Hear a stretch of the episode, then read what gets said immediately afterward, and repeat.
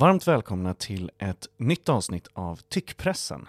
Tyckpressen är Dagens ETCs ledarpodd där jag, Max V Karlsson, tillsammans med inbjudna gäster pratar om eh, vad som är rätt och riktigt, eh, vad som är kul och tråkigt, men framförallt kanske vad som är bra och dålig politik. Jag är tillbaka bakom huvudmikrofonen den här veckan, eh, men eh, som vanligt så är jag inte ensam i studion. Med mig har jag två ypperliga gäster. Eh, Först vill jag eh, säga varmt välkommen till Martin Ågård. Tack så mycket. som eh, är eh, ny kulturboss, eh, kulturbas på eh, Dagens ETC. Ehm, det är jättekul att ha dig med i podden. Ja, vad roligt, tack. Kul att vara här. Eh, och så har jag en returning champion i Karina Kubila från Arbetet. Just nu föräldraledig, men också jätte, jätteskönt att ha dig i etern. Tack snälla, kul att vara här. Um, och eh, du är faktiskt en av våra mest efterfrågade gäster att komma tillbaka Karina, eh, när vi får mail från våra lyssnare. Vad gulliga. Ja, ja nu då. måste jag sköta mig här. Så mm. jag får komma tillbaka. Kul. Exakt. Ja, jag blir faktiskt väldigt glad. Ja. Jag är mest hemma och försöker prata med eh, en liten person som inte ger så mycket respons. Eh, vilket gör att jag idag får typ så, ta på mig jeans och åka den hemska, hemska tunnelbanan. Men det känns ganska eh, högtidligt av den anledningen. Men mm. jag har faktiskt börjat jobba lite grann, 20 procent, okay. på grund av eh, snäll pusselsambo. Mm. Eh, så skriver lite nu igen, håll utkik. Är det här jobb eller kul? Det här är en mix tror jag, men mm. det är väl egentligen jobb. Men, ja, ja, mitt jobb är knäppt. alla jo, alla våra jobb är knäppa. ja, det är verkligen ett knäppt jobb. Eh, men eh, mest kul känns det idag då. Jag har döpt dagens avsnitt till spionballonger och uppblåst paranoia. Vi ska bland annat prata om kinesiska spionballonger, eh, högljudd diplomati, eh, men också eh, eh om paranoia, eh, varför folk kanske verkar paranoida och sånt där. Men innan vi startar har jag en liten förfråga.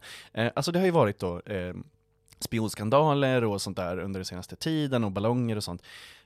Om ni fick spionera vart ni ville just nu, vart skulle ni vilja spionera då? An, så här, tänk lite så här, vart ni skulle vilja vara en fluga på väggen, vart ni skulle vilja liksom infiltrera och höra hur det, hur det är någonstans. Jag kan börja. Eh, jag skulle verkligen vilja spionera ännu mer än vanligt på Timbro just nu. Eh, efter att Supreme ålfiskare PM Nilsson har tagit plats i staben där. Eh, från sin eh, dishonorable discharge från eh, eh Ulf Kristerssons närmsta stab. Det hade varit så himla kul att se. PM Nilsson, eh, tidigare då Dagens Industri-stjärnan, eh, är ju, eh, ja, men vad ska vi säga, eh, kanske för, egentligen för överkvalificerad, men går då in och blir klimatansvarig, eh, inklusive fiskefrågor, på eh, Nordens största tankesmedja. Eh, jag tycker att det här är jätteroligt. Jag vill höra hur, eh, hur nedbruten han är i liksom lunchrummet, eller om det liksom är good spirits. Eh, jag vill höra från jag, Ålamannen. Jag, jag chansar på good spirits. Jag tror verkligen också det. Det, det känns, känns inte som, att det är liksom lättknäckt person. Nej. Regn på Stutterheim, vatten på en gås. Alltså jag tror bara det rinner av. Med det där håret. Ja, exakt. Och ett karriärsnille får man väl ändå ge honom. En sån ja. riktig överlevare som kan kryssa sig fram mellan liksom de framgång, högavlönade jobben. Mm. Bara gratulera. Va vatten på en ål. Mm. Ja, nailed it. Tack.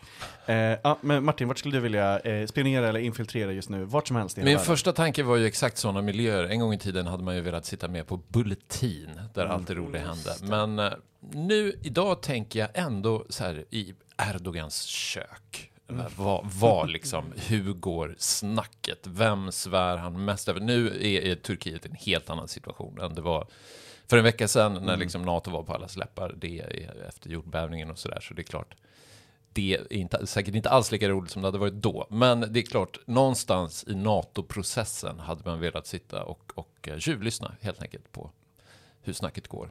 Ja, verkligen. Finlandsdockan bland annat. Alltså, nu har vi ju eh, Finlands sak är vår och så vidare, så har de, även de gjort en Erdogan-docka eh, som de har eh, hissat. ja. eh, så en sån grej hade varit... Eh, Riktiga kamrater. precis, det hade, det hade man velat höra liksom. Ja. Dock-solidaritet över, över sundet. Ja men exakt. Karina eh, vad säger ja, du? Spioneri? alltså jag är lite nyfiken på hur snacket på regeringskansliet går. Så här, den här samordningen där Sverigedemokraterna sitter med och de här strandade arbets... Eh, ja, marknadsfrågorna, de här, eh, vad heter det? Eh, förhandlingarna med mm. Liberalerna som hade strandat. Det känns ju superspännande. Det känns också så himla Eh, roligt och förväntat att de skulle liksom köra i diket. Eh, men det hade varit kul att följa lite närmre och liksom höra hur tjuriga Liberalerna sitter och bara nej, nu är ni dumma. Och SD sitter där och bara ja. Och garvar. Lite par, ja, jag tänker att de garvar. Ja, eh, verkligen. De, de, de, garvar och sen så tar de den korta promenaden från, det, från samordningskansliet där de eh, sitter då, kabinettet som de till och med kallar det internt och sådär. Eh, jättekonstigt eftersom kabinett ofta är ordet man eh, kallar regeringar utomlands. Ja. Eh, men eh, det gillar de. Ja, ja, ja, det gillar de. de. de Håsa upp och liksom Nej, kalla tar, saker för vad de inte är. Ja, verkligen. Nej, men de tar den korta promenaden därifrån till eh, Sverigedemokraternas då, eh, favorit-AV-ställe tydligen, som är eh, Harry B i Kungsan eh, hårdrocksstället där. Aha, okay. Gamla Victoria ligger ju Harry B i nu. Det låg ju förut vid, eh, vid NK. Är det ett SD-ställe? Eh, det är ett SD-ställe. Men vad hände med de här lite Porsche, Norsen Chow och sånt där som de brukar hänga på förut? Alltså, där hänger säkert en hel del av tjänstemännen också. Men eh, eh ja, eh, i Kungsan, eh, om hårdrocksbar, där det funkar bra. Men, men ja, de, de sitter och garvar åt Liberalerna där i alla fall. Det kan man, det kan man se framför ja, sig. Ja, nej men verkligen. Det skulle vara spännande att höra lite vad, vad som drivs och vad som inte drivs och vilka vilka intressen det är som försvaras åt vilket håll. Verkligen. Jag tänker så här, nu fick jag så bild i huvudet över hur det är i lunchrummet på det här samordningskansliet. Liksom, att, eh, att, de, att de sitter som sådana här högsko, eller liksom högstadiegäng liksom, på olika sätt, eller gymnasiegäng då kanske. Eh, amerikanska high schools, att liksom, SD sitter i ett hörn och så här, när, eh, när Liberalerna kommer in så är de så titta. De har också förfinat eh, konsten att mikra kokt potatis tror jag. Absolut. För det absolut. är inte lätt, men det tror jag att de har gjort, Sverigedemokraterna. Det är ändå en del av Sveriges kulturarv. Jag skulle, vilja ha, mat, folk. jag skulle ja. vilja ha en matlådeanalys. Det skulle ja. jag verkligen vilja ha. Hur många av dem där som liksom, ja men vad de tar med, eh, eh vad det innehåller, eh, hur, mycket sko, ja, hur många som är skomakarlådor liksom. Eh. Nej, men jag tror det är väldigt få som har matlåda alltså. Ja. Det är ändå liksom, du har kommit till Stockholm, du har blivit riksdagsman, du kanske är borta från familjen i veckorna. Det är klart du tar take söker... eller går ut och käkar lunch på något flådigt ställe och bjuder dina liksom mediekompisar, Chang Frick eller något sånt där på en brakig lunch där i Gamla stan. Det, det är jag, så det går till. Finns det någon bra bricklunch i Gamla stan? Alltså, För jag tänker också att det här är personer som, som tycker att det är lite lite mat. Som vill liksom kunna ta sin egen De vill ha en rejäl portion. Ja, ja, nej men verkligen. Alltså som ni märker så finns det ju väldigt mycket roligt att spionera kring, så det är klart att man vill göra det. Man förstår ju liksom att, att eh, det här är på eh, eh, av intresse för eh, såväl eh, vanliga personer som det är eh, för stater och så vidare. Och det här då, eh, eh, ja, men varför jag vill prata om det här är för att eh, den eh, amerikanska och även då, eh, vad ska man säga, även svensk diskurs eh, har pratat väldigt mycket om spioneri de senaste eh, månaderna framförallt. Vi har ju haft en, en väldigt stor eh, spionrättegång här i, i Sverige och sådär, men i USA så var det lite roligare. Eh, som vanligt när det gäller USA så var det lite roligare, lite dummare. Där man eh, helt enkelt hade observerat en stor vit ballong som ser ut som en väderballong. Eh, dock med ett litet så här, skepp under också. Alltså jag så här, jag vet inte, blimp kanske, men, men en ballong... Den såg misstänkt ut. Ja, eller hur? Eller hur? Det eh, låter väldigt misstänkt. Ja, men exakt. Eh, den kinesiska väderballongen som då direkt anklagades för att vara en spionballong.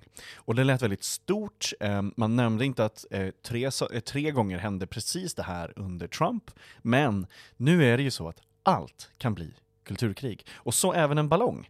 Ehm, så eh, det som hände då, ehm, det var att det från två olika politiska håll så accepterade man bara att det här var eh, kinesiska statens sätt att eh, långsamt, långsamt, långsamt ta sig över landet för att på något sätt kartlägga delar av amerikansk infrastruktur. Det var det man sa. Eh, både demokrater och republikaner sa det, vilket betyder att media egentligen släppte sina anledningar att ifrågasätta vad den här ballongen var överhuvudtaget.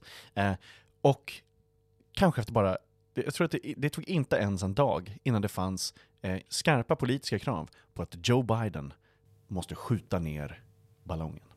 eh, inte personligen, inte liksom gå ut med, med hagelbraken och sånt där. Utan det hade vunnit honom så nästa val ja, dock. Alltså, jag vill bara säga det, det, om man hade gjort det. Ja, även skärm, skärm liksom från en egen luftballong eller från marken, det är klart det ser bättre Båda ut. Två. Ja. Båda två, det spelar liksom ingen roll. Det hade vunnit honom. Bara jag, jag, sig, jag, vill bara säga det. bara ställa sig och ta sikte på den, alltså de kampanjbilderna. Eh, mm. nej, utan kraven kom ju på att man skulle sätta in ett F16-plan eh, från eh, amerikanska flygvapnet. Att eh, egentligen, först så sa man att eh, man ville skjuta på den, sen så sa man att det kanske räcker att bara åka jättesnabbt förbi den. Eh, alltså, så att den driver iväg tillbaks till Kina? Nej, alltså för tydligen skulle då liksom den här kraften göra att den exploderar. Ah. Eh, lä ja, läskigt. Eh, det är bra. Något ska man ju ha sina plan som kostar 200 miljoner dollar. Ja, exakt, exakt. Nej men, ehm, och, och, så sa man framförallt att så här, spionhärvan, den här ballongen, tvingar oss amerikaner att ställa oss eh, svåra frågor. Um, och jag skulle vilja höra, um, ja men först då, eh, eh, för det här, det som har kommit upp då, det är att man har kallat det ett balloon gap. Alltså gapet mellan Kinas teknologi och amerikansk. Där man säger att så här, ja, vi har eh, presterat högteknologiskt nu, vi har haft en, så här, eh, ja, men, ett teknologiskt race med eh, Kina, men eh, har vi glömt de dumma grejerna, eh, säger man. Eh, så här, eh, har, har, vi gjort att det finns ett liksom, avstånd mellan våra olika eh, förmågor genom att de har så här, dumbed it down och därför lyckats eh, liksom, amen, vinna spionkriget mer. Eh, väldigt, väldigt roligt. Ehm, jag skulle vilja höra eh, för er bara så här, tror ni verkligen att det här var en spionballong? Ehm, ja, det, vi börjar så. Tror ni att det här är en spionballong? Eh, Nej, men herregud, man vet ju aldrig. Men, men så, ett, ett nja kanske? Ja, efter att de sköt ner den så kände jag nej, det här är såklart en väderballong. Jag vet inte, det var väl vad kineserna sa, att det var någon sorts forskningsballong som hade drivit, drivit iväg alldeles för långt. Uh, Exakt. Och ja, Kina sa också... Down, hiding in clear sight, absolut. Du får säkert lära dig massa sådana tekniker på spionskolan, men poängen med att flyga runt med en ballong och fotografera vet jag inte. Alltså i dagens, dagens planet är ju väldigt väl fotograferad. Jag har bara svårt att föreställa mig att, att en ballong som fotar skulle tillföra mer eller mindre. Uh, nej, jag röstar nej. Mm. Ja, jag tror inte heller på det. Jag tror att det som den skulle kunna plocka upp finns, som du säger, mm. eh, redan tillgängligt för de flesta. Du kan ju få reda på det mesta bara genom en simpel eh, sök online. Så ja, jag vet inte. Men eh, ja, det piggar upp att de är på tårna. ja, verkligen. Men alltså också, Kina har ju, Kina har egna satelliter. De har mm. jättemånga satelliter. De, ja, till exempel. Till de, har, de har liksom, eh, eh, more or less en egen liksom, del av rymdstationen. Alltså de har så mm. sådana eh, eh, bitar också i det här. Eh, det Kina eh, sa var att USA vill hitta alla eh, skäl man har till att trissa upp det här då, liksom, konflikten mellan USA och Kina. Och att man vill göra inrikespolitiska poänger av det och sådär. men det var också så att en representant för kinesisk statsmedia eh, skrev på Twitter att eh, det här kanske var en, en vänlig ballong som Kina bara ville ge i, eh, eh som, som någon fin hälsning för att liksom driva med amerikanerna. Det var ju ändå vit. Eh, ja men exakt, exakt. Och liksom, det här var ändå en sån eh, ballong. Eh, men Kinas reaktion, eller vad man gjorde som svar på det här då, eh, det var att eh, man ställde in ett eh, amerikanskt statsbesök eh, för att man sa att så här, mm. ni sköt ner våran ballong, eh, så man ställde in en, ett sånt möte och så sparkade man en av toppcheferna på landets vädermyndighet. Det är ändå skönt, då har man ändå visat handlingskraft. Mm. Och en liten fingervisning om kanske ja. var ballongen kom ifrån. Då. Ja. Eller? Eller, eller, eller så är det liksom eh, eh, mörkläggningsstrategi. Schack i 5D. Ja. Um, men jag tror lite av det här dumb it down-tänkandet tror jag bygger faktiskt på någon sorts nostalgi kring, kring underrättelsearbete. För ärligt talat, det som har hänt med liksom den digitala revolutionen, att mycket av så här klassiskt underrättelsearbete är helt poänglöst numera. Att kartlägga människor, att, att, att just fotografera saker, att rita kartor och sånt där. Allt det går ju att samla Du menar så att detta är ännu en arbetsmarknadsinsats för ja. mediokra gubbar? för gamla Som hade sin, eh, sin prime på 70 80-talet. Exakt. För, för ja men vad skönt. Men någonstans verkar... tror jag att man vill att det här liksom smyger runt i en gränd med, med ett par solglasögon, att det jobbet fortfarande finns kvar. Men det gör nog inte det tyvärr. Och det där är faktiskt väldigt eh, ja, men, roligt då, för att eh, CNN och även Fox och flera andra stora amerikanska eh, kanaler bevakade den här ballongen dygnet runt. Mm. Man kunde på sajt eh, få följa en live-feed när, eh, när man följer den här ballongen då, som bara är en vit liten prick i himlen och som svävar där.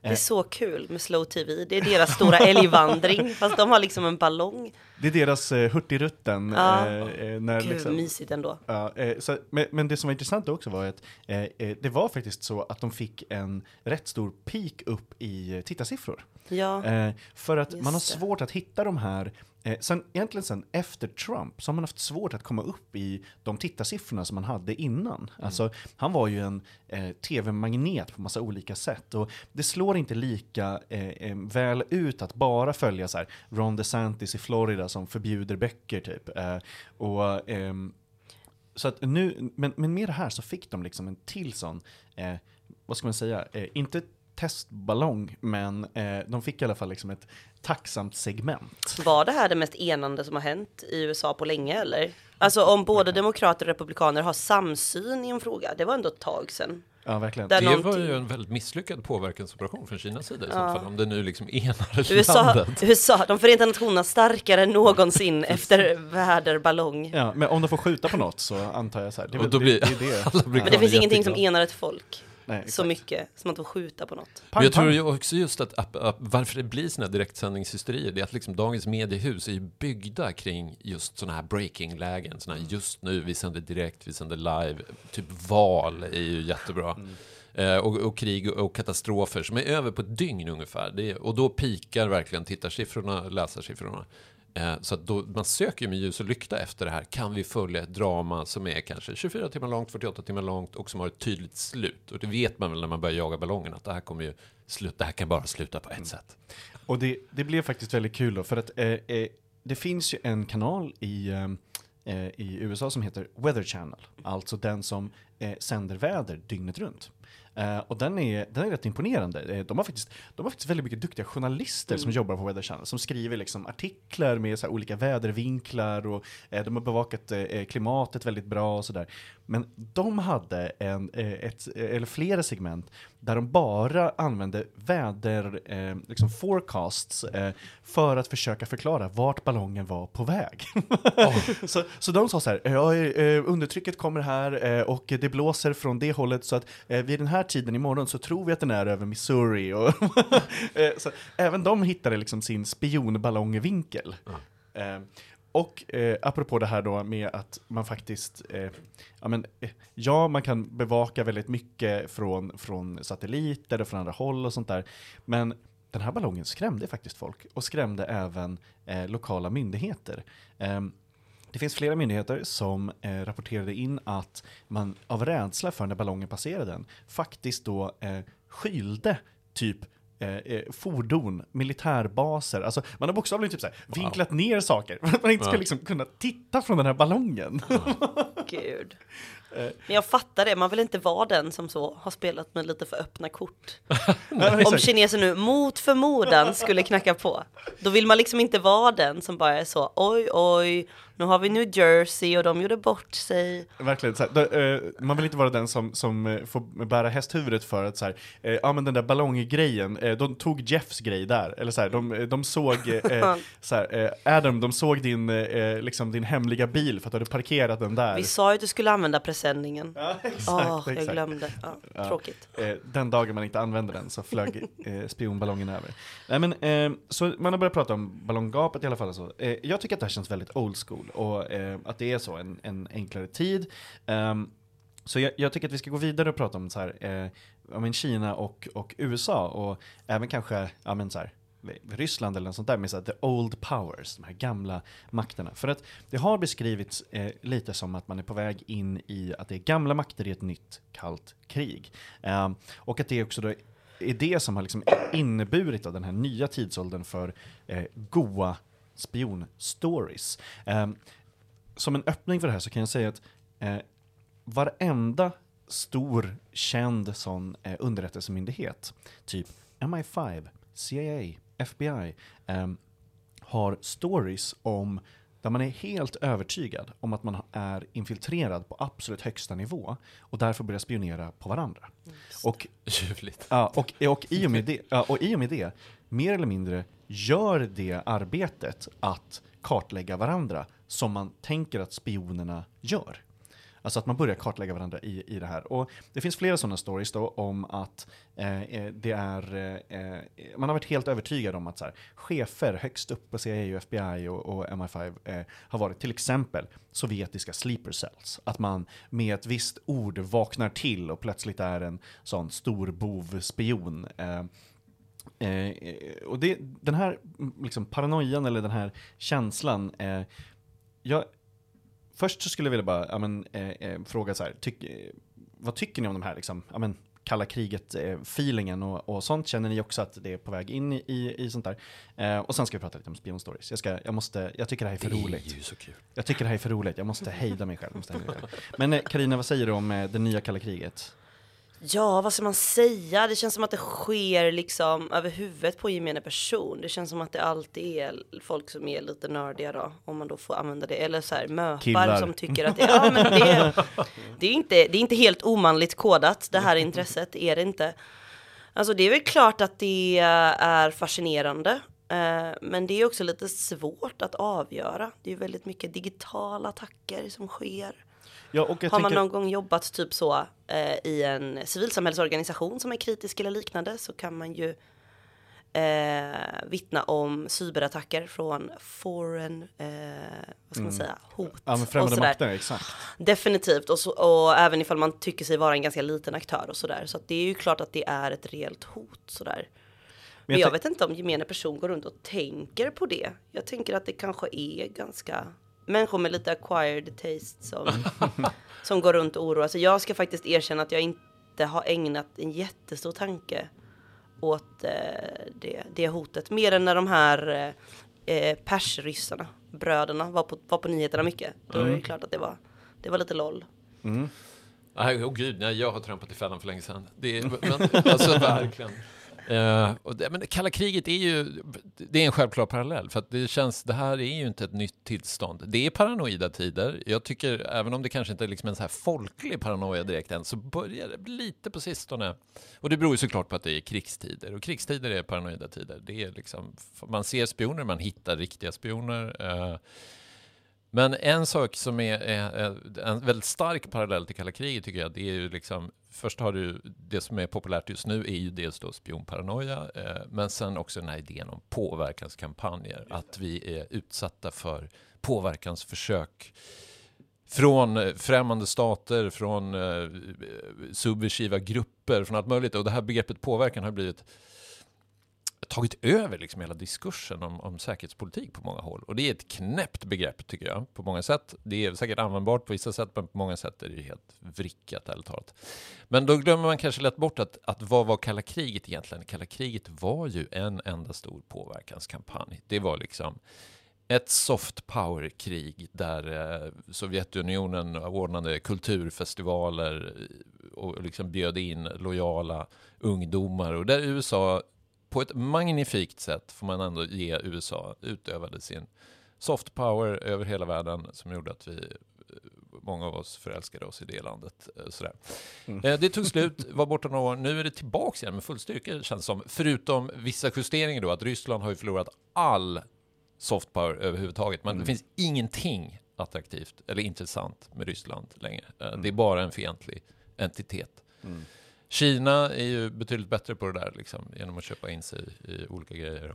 Ja men precis. För TikTok att, Ja men exakt, grejer. för jag tänkte på det där också. Alltså för där är det ju så att, alltså är det inte lite så att det här, att det också är typ, vad ska man säga, positionering och lite fake kamp. Alltså så här, USA och Kina är ju de bästa av frenemies. Alltså, hur mycket pengar har inte USA lånat av Kina? Hur mycket handel gör man inte med varandra? Eh, eh, hur, liksom, de här stora handelsdelegationer, man har liksom massa olika typer av, av eh, den typen av ekonomiska samarbeten och så. Eh, eh det känns ibland som att det bara är liksom medialt och mellan toppolitiker som ska liksom brösta upp som man faktiskt bråkar.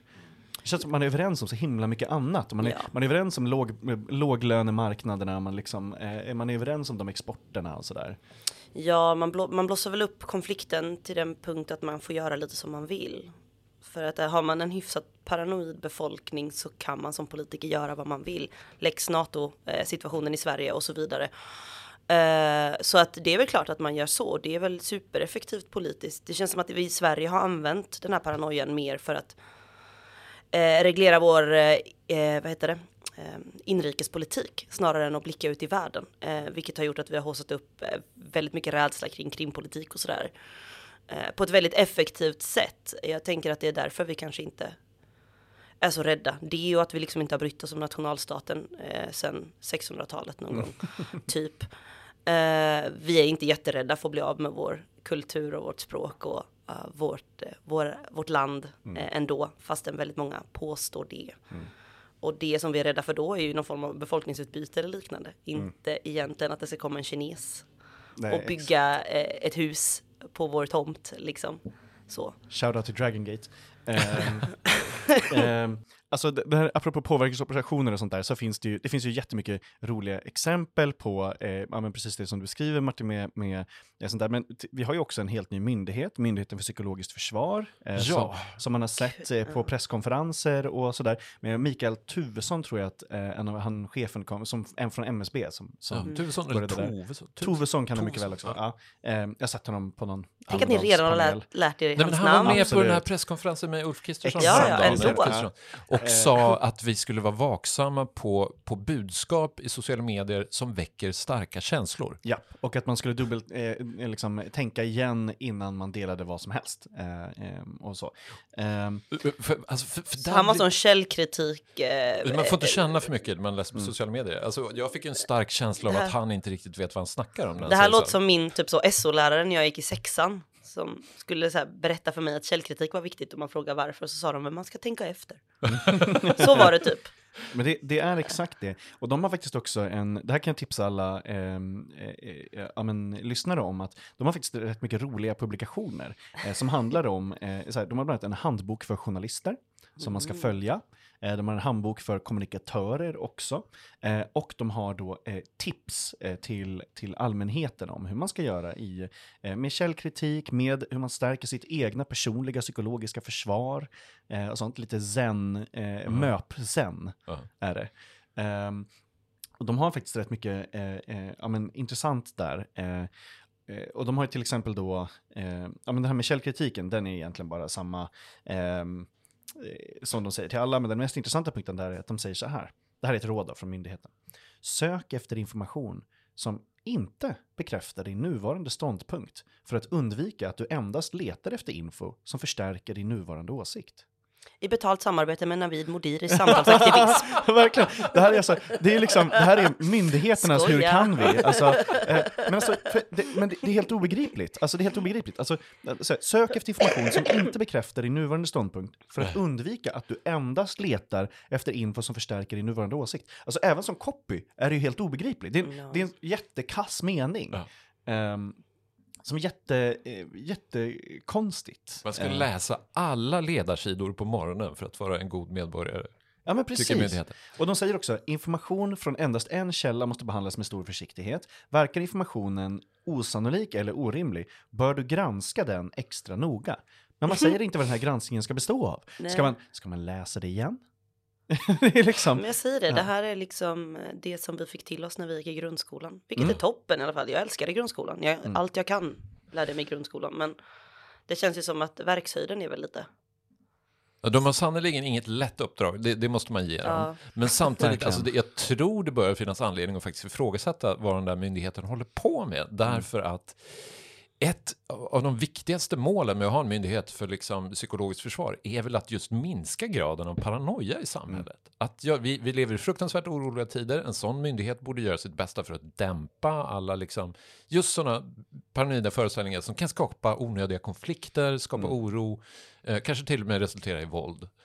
Eh, men det är, jag tycker inte de gör det, utan de tvärtom så sprider de ut liksom små droppar av så misstänksamhet mot allt. Ja. Människor har du, alltså, du kände någonting inför det där tweetet, passa ja. det riktigt noga. Människor har vara... väl en tendens att håsa upp det de själva jobbar med. inte minst då det faktiskt är deras levebröd och det mm. finns någon form av materialanalys att dra här, I guess. Och det mm. spelar ingen roll om man håller på med genus eller med samtalsaktivism eller med psykologisk eh, krigsföring eller vad det kan vara liksom. Så det ligger väl i sakens natur att också oh, ni ska inte bry er om det här men det är skitviktigt vad jag håller på med. Verkligen. Och vad jag brinner för det här och jag vill berätta så jättegärna vad du om... ska göra, vad jag ska göra, vad vi gör och vad andra gör. De vill säga, om du bara visste det jag visste. Ja. men jag kan tyvärr inte säga något. Så känner jag med all försvarspolitik. Ja. Man bara, okej, okay, ni vet. Men det, och det, eh, de säger faktiskt det då, men så här står det om det här med känslor och så. Så här står det. Eh, eh, att eh, de har ju kriterier för källkritik och ett av de här kriterierna heter tendenskriteriet. Alltså man, att man ska tänka på upphovsmannens intresse av att påverka opinionen. Mm. Eh, ska man tänka på då. Och då säger de, det kan handla om rena lögner, men det kan också handla om att överdriva, välja bort vissa fakta som inte passar in eller använda sig av ett känsloladdat språk. oh. Och, och då, då påverkas det här tendenskriteriet i källkritiken. Alltså alldeles oberoende om någonting är sant eller inte. Jag måste sluta svära på Twitter. ja, exakt, exakt. Eh, vi måste lugna ner oss i den här podden här. Aj, aj, aj, Verkligen ingå i någon sorts eh, apatisk tillstånd här nu. Ja, men, Nej, men det är för roligt. Alltså, det är klart, det är kloka råd. Det är klart man ska försöka genomskåda vilk, vad, vad folk har för agenda. Men, äh, oh, nej. nej. Det här är en guide i hur man är människa. Ja, men, ja, nästa, nästa guide som kommer är så här, en guide för kvinnor som vill dejta män. Så här skapar det psykologisk resiliens för att slippa bli eh, misshandlad eh, eh, psykiskt eller fysiskt eller whatever. Ett litet tips till jämställdhetsministern då. Ja, att ta fram lite material. Ja, verkligen. Att där har vi också lite problem. Och de säger också att de krafter som vill motverka ett öppet och fritt samhälle kan försöka göra det eh, genom att förstärka konfliktytor som finns i samhället eller på annat sätt bryta ner samhällets funktionalitet. Men de beskriver ju bara politik. ja. liksom. Ja, och, men också att så, det, det, betyder då att samhället är starkt när det inte finns några konfliktytor egentligen. Eh, och det är liksom... Vilket är helt fel. Och vem försvagar samhället? Och vad är samhället? Eller vad då? Ja, ett samhälle är ju ganska sunt om vi har tydliga konflikter som vi kan hantera på ett, ett fridsamt och mm. Eh, förhoppningsvis intellektuellt sätt snarare än med påkar. Mm. Nej, och min, och min, favorit, eh, min favoritrubrik i den här innan vi ska gå vidare är Det öppna samhällets svagheter är också dess styrka. Det är en rubrik och så står det så här. Å ena sidan är det öppna samhället sårbart för ryktesspridning, desinformation och propaganda. Vem som helst kan säga, nästan står inom parentes, vad som helst, eftersom vi har yttrandefrihet, vilket är en grundbult i ett öppet och fritt samhälle. Å andra sidan är ett samhällsklimat där många röster kommer till tals, med oberoende medier som granskar makten och där upplysta individer med ett källkritiskt förhållningssätt tar del av fritt flödande information, ett starkt och motståndskraftigt samhälle. Så, det är lite som att läsa Platon eller någonting. Det är någon sorts idealföreställning. men väldigt, det är väldigt svårt att ta på vilket sorts samhälle de ser framför sig, men det är mm. otroligt idealistiskt i alla fall. Mm. Ja, eh, ja, men så nu, eh, nu har vi i alla fall stärkt, jag, genom att läsa det här högt så har jag stärkt er mentala motståndskraft eh, och eh, alla lyssnare har också då eh, helt enkelt eh, blivit starkare, blivit smartare. Vill vi build that wall, Martin? Exakt. Alltså jag, blev ju, jag kände ju lite känslor här inför för den här högläsningen, så jag är fortfarande säkert ett, ett soft target för påverkan. Mm. Nu vet ni, ETCs kulturredaktion, hörni. Ja, det var påverkan. Jag vet inte om man säger det på kinesiska. Men... Nej. Okej. Eh, men eh, med, med det sagt så skulle jag vilja bara, eh, eh ja men vi ska börja runda av. Eh, men ehm, jag ville fråga er så här, jag, jag döpte den sista punkten till Paranoia will destroy ya. Um, känner ni er mer paranoida nu än förut, personligen? Nej. Nej. Nej. Alltså på personligt plan lite ja, men jag tror att det mer handlar om att jag har blivit del av den här tykonomin ganska nyligen. Mm. Eh, så kanske mer på personligt plan, men inte liksom ja. utifrån världsläget tror jag inte. Nej. Det är i och för sig en väldigt stark paranoia-faktor. Just när man dyker in, nu uh. var det några år sedan när jag hade mitt stålbad i den där miljön, men just det här, vad säger de om mig nu då? Mm. Jag tror ingen säger någonting om mig eftersom att jag inte, jag är, jag är den minst kända personen i tykonomin. Jag får liksom inget hat. Ibland kan jag få ett mail där någon säger du har fel och man bara ja okej. Okay. Tack Respectfully. Någon frågar också var du köpt din tröja. Alltså det är verkligen så. Jättesnällt, verkligen. Bara, det är lite som, jag, har, jag får väldigt lite hat och jag får väldigt lite, jag har aldrig fått en dickpic. Så det är liksom så, jag är den minst irrelevanta kvinnan i Sverige. Men med det sagt så kan jag ju säga att jag tror att jag också inte är varken överintresserad av eh, spioneri, spionage kanske det heter. Och eh, jag är inte så himla militärt eh, eh, liksom Lagd. lagd. Eh, men vi får se, det blir väl ändring på det. så fort de belägrar Gotland Ja, just det. Nej, får men man det skoja om. Nej, Men, men det eh, spelar ju såklart in. Jag har ju plumsat djupt i alla killkonflikterna. Mm. Ryssland, Ukraina, inte minst. Mm. Jösses. och jag är jättetacksam att folk gör det, för då kan jag ta del av det och följa det någonstans på ett behörigt avstånd. Men eh, först, eh, sekunden du, första gången du åker på Folk och Försvar, då kommer du vara huggen, biten av the bug säkert. Eh, Jag men, eh, men jag, är, så här, jag, jag känner mig liksom helt skild från det här. Jag känner mig, eh, jag har läst, inför det här så läste jag liksom massa olika artiklar om så här, ja, eh, man borde vara rädd mer för, eh, för TikTok, för övervakningen, för eh, vad som händer. Jag bara känner, känner mig helt, helt skild från det här. Inte på ett sätt att jag känner mig cynisk eller så, att så här, "Åh, det går ändå inte att göra någonting åt eh, grej eller allt är förgäves grej. Jag känner mig bara bortkopplad från det här. Eh, och jag känner också att jag tycker att det spelar så lite roll. Jag tycker att det finns så himla mycket andra grejer som jag bryr mig så jättemycket mer om än typ spionballong eller vad det skulle betyda eller eh, eh, liksom den, det hållet. Eh, så här, ja, eh, även om det var en spionballong över, över Sverige eller, eller något sånt. Jag tycker det är så genuint ointressant. På samma sätt som att jag tycker det med typ Alltså de här ubåtsparanoia som vi ändå har en historia av i Sverige. Eh, att så här, eh, tro att varenda stubbe ute i vattnet är en rysk ubåt. Eh, jag, Eller Nord Stream-sabotaget. ja men exakt. det var exakt. ju ändå lite så. Ja, exakt. Och, det, och där, det är en explosion, det är lite coolare tycker jag. Ja. Nej, men nu Men- hade ju tyskarna kommit fram till att de hade ju dels kommit fram till att det Mm. kanske inte var en, det, eller det fanns ingen bevis för att det var en rysk explosion och kanske inte att det var en explosion överhuvudtaget. Just det, ja men sånt I där. don't know. Jag vet inte vad som pågår. Jag vet inte. Någon vet. Ja, men eh, eh, hade de ett känsloladdat språk när de sa det här? Nej, det var en Eh, tysk tidning. Det var absolut inte ja, känsloladdat. det får man se upp med. Martin, jag höjer mitt varnande finger här. Ja, exakt. Eh, Det är tråk, den tråkiga påverkan, vi får inte glömma bort den. Den Nej. måste vi vara vaksamma på. Ja. Det exakt. ser ut som en rapport. Exakt. Men, nej, men jag bara känner mig att så här, jag känner inte som en, som en del av det här eh, eh, ja, men mer, eh, mer möpiga, mer, mer paranoida, eh, mest för att jag inte bryr mig. Men, eh, men det finns då de som, det känns som att de som är paranoida, de som är intresserade, de blir det ännu mer. Alltså, jag, jag ska inte namedroppa alla svenska möpar, men, men eh, det finns ju några sådana eh, så här, författare och sånt som eh, typ inte Lars vill-. Ja, till exempel. eh, eh, som, som inte vill något annat än att det ska bli krig egentligen. Eller som Nej. åtminstone tror att de vill det. Eh, eh, och som liksom har det nästan som, vet inte, fetisch eller någonting. Men jag skulle vilja fråga för att göra en politisk koppling då. Vilket tycker ni är riksdagens mest paranoida politiska parti? Oj. Ja. Nej, men det, alltså, det har väl alltid varit Sverigedemokraterna. Som ändå har liksom varierat sina föreställningar om vad som pågår i Sverige mellan att, att det pågår ett folkutbyte till att det, det liksom pågår ett kulturellt krig mot våra institutioner eh, som ska förändra oss som svenskt folk. Alltså de, det är ju en, en djupt, all, all form av rasism är ju en, en liten paranoid vanföreställning. Så nej, utan konkurrens Sverigedemokraterna. Vad säger du Knut? Ja men både och. Jag tror att de har varit eh, bäst på att använda det som politisk strategi för att håsa upp andra. Men de känns i övrigt ganska laid back jämfört med den resterande politiska klassen.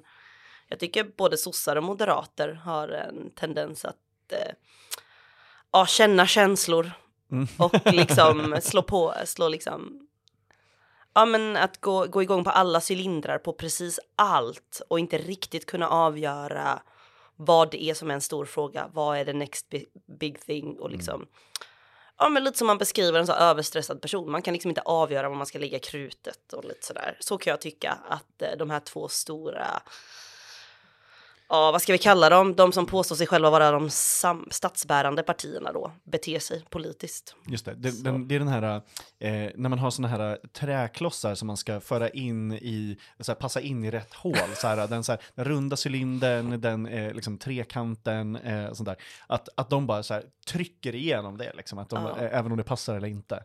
Eh, ja, eh, if, bara när du sa det så kände jag så himla mycket kopplingar till ABF-historien och allt sånt, som, alltså, hur man pratar om det nu.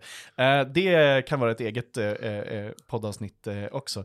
Eh, ja, Sverigedemokraterna, alltså de är ju kända för att de så här, väldigt länge när de kom in i riksdagen, att så här, varenda sverigedemokrat gick, gick runt med en bandare i fickan och liksom ja. spelade in varandra och läckte. Det är därför det läcker onanivideos från riksdagen. Ja men exakt, exakt, det är exakt det. Nej men deras interna kultur är helt ljuvlig. Ja, de har exakt. Paranoid syn på Ja, och, eh, och det där, eh, Richard Jomshoff var ju en av de första i Sverige som publicerade artiklar om Arabiapakten. Alltså det här att det skulle ha funnits ett eh, officiellt avtal mellan EU och eh, arabländerna att man skulle, import, citat då, importera araber mot olja.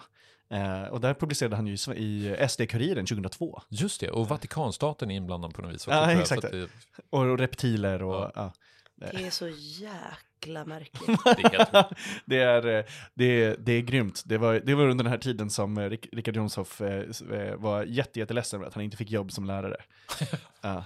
Med det sagt så är vi färdiga för idag. Jag brukar alltid säga att om man vill tipsa om någonting så får man tipsa Tyckpressens lyssnare om precis vad som helst. Ett lyssningstips eller kultur eller vad som. Karina, vad har du för tips till Tyckpressens lyssnare? Men gud, nu ska jag skamlöst efter ett par månaders föräldraledighet säga att jag tycker att ni ska lyssna på Arbetets, eh, eller LO Mediehus är det ju. Det är både Arbetets kultursredaktion, Nya Mitten och Arbetets ledarsida som har kommentariatet, eh, mm. en podd.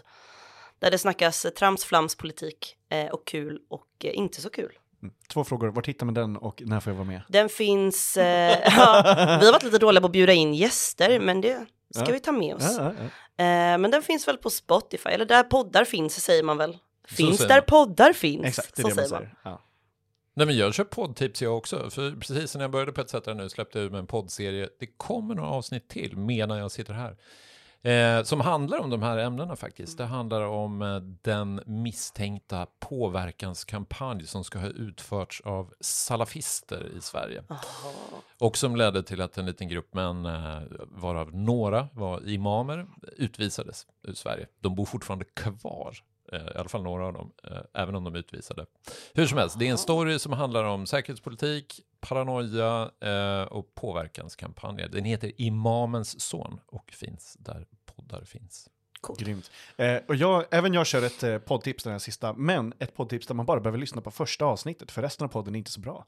Eh, eh, och, det, det är, eh, och det är en podd som går eh, som handen i handsken med det vi har pratat om. Det är podden Wind, Winds of Change, som handlar om hur CIA, och det här är alltså då det, ja, faktiskt sant, det är, det är därför det är väldigt kul, hur CIA skrev den klassiska eh, hårdrockslåten eh, Winds of Change åt bandet Scorpion som en del av sin hemliga låtskrivarenhet under kalla kriget. Just det. Eh, det finns...